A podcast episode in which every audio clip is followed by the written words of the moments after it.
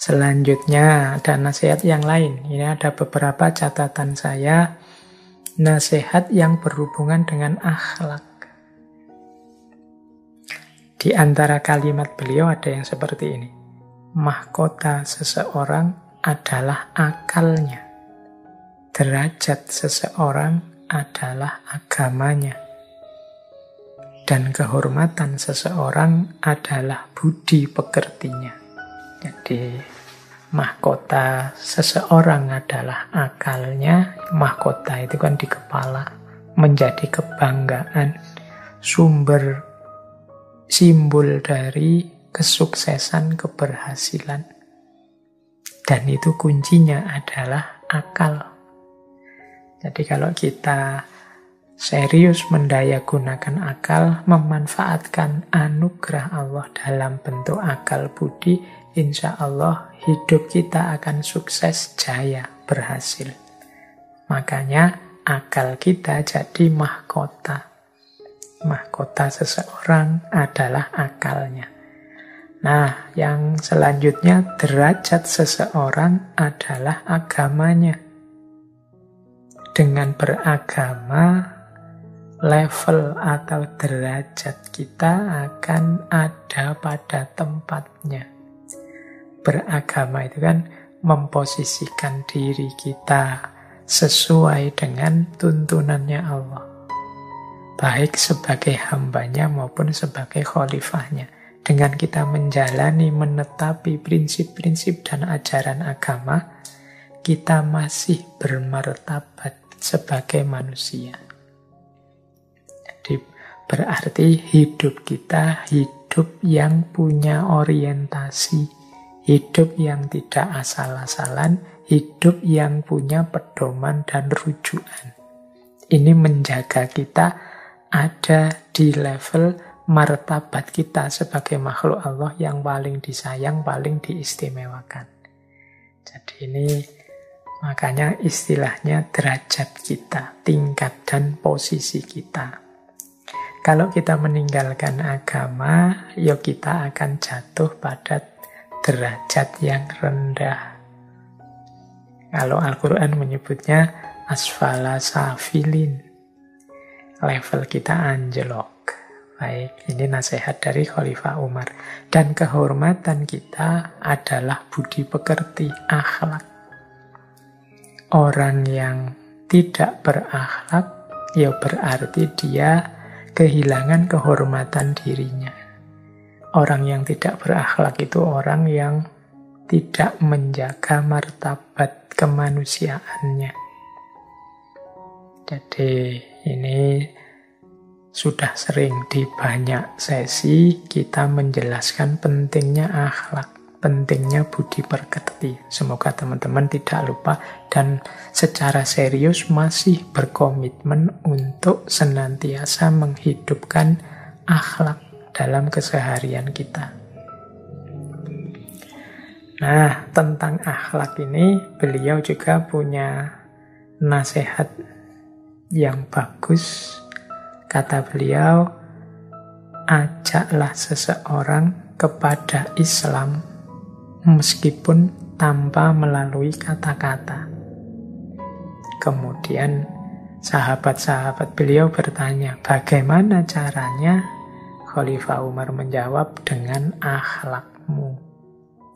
Jadi, mari kita membuat orang tertarik, membuat orang terkesan, membuat orang sadar tentang benarnya dan baiknya ajaran Islam melalui perilaku dan tindakan kita, melalui akhlak kita. Tidak hanya melalui kata-kata. Karena justru yang pertama-tama dan banyak dilihat orang seperti apa sih Islam itu ya pertama-tama perilaku kita. Ya kalau kita kan sering menyebut Islam itu baik loh Pak secara ideal. Dalam Al-Quran, dalam hadis, prinsip-prinsip Islam itu luar biasa. Iya kita yang sudah beriman ada dalam Islam itu sangat tahu bagaimana istimewa, bagaimana kebenaran, kebaikan Islam. Tapi orang yang di luar Islam tentunya untuk membuat mereka percaya bahwa Islam itu kebenaran, kebaikan, keindahan, rahmatan lil alamin yang dilihatkan perilaku kita sehari-hari, kelakuan kita sehari-hari, kata-kata kita, perbuatan kita, tindak tanduk kita, itu kan yang mereka lihat. Sehingga mereka menyimpulkan, oh Islam itu begini, Islam itu begitu. Lah mereka belum beriman, belum percaya, tidak mungkin mereka terus kok membuka Quran, apalagi membaca kitab hadis. Ya nanti kalau sudah beriman, mereka membuka Quran, baca hadis. Tapi ketika mereka belum beriman itu kan yang pertama-tama dilihat ya kelakuan kita. Perbuatan kita. Jadi mari kita mengajak seseorang ke dalam Islam dengan akhlak dengan tingkah laku, dengan perbuatan. Tidak hanya lewat kata-kata, ya meskipun kadang-kadang penjelasan kata-kata itu perlu, tapi pasti lebih menyentuh, lebih membuka mata orang kalau itu kita hidupkan dalam perilaku kita sehari-hari. Banyak kisah-kisah sahabat, banyak kisah-kisah zaman dulu para salafus soleh yang perilaku mereka membuat orang tertarik untuk datang dan masuk Islam. Jadi ini pelajaran dari Khalifah Umar juga untuk kita semua bahwa kita ini yang muslim meskipun statusnya bukan dai, bukan mubalik, tapi kelakuan kita, perilaku kita, keberagamaan kita, hakikatnya akan mempromosikan, akan menunjukkan pada orang lain seperti apa itu Islam. Baik, ini mungkin jadi kesadaran kita semua ya. Jangan sampai kita yang jadi hijabnya Islam.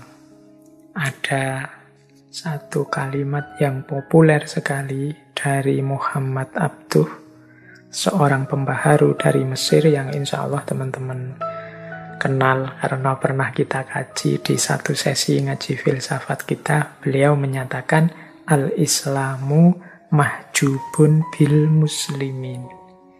Jadi al-islamu mahjubun bil muslimin itu maksudnya kehebatan, keindahan, kebenaran Islam itu tertutupi oleh perilaku umat Islam. Islam tertutup oleh umat Islam.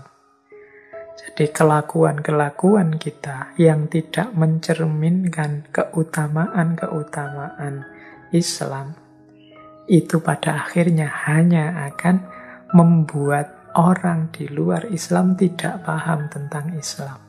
Kitalah yang menghalangi mereka sehingga mereka tidak bisa memahami secara pas tentang apa itu Islam, kebenaran dan keindahannya. Maka Muhammad Abdul kemudian menyatakan Islamu mahjubun bil muslimin. Semoga tidak begitu ya. Semoga sedikit-sedikit meskipun saya bilang tadi kita ini bukan ulama, bukan dai, bukan mubalik, Mari kita berusaha semampu mungkin untuk hidup secara terpuji, bermartabat, menghidupkan keutamaan-keutamaan sesuai dengan yang dituntunkan oleh agama. Sehingga nanti orang melihat kita bisa paham bahwa oh itulah kebenaran, keindahan, keutamaan Islam.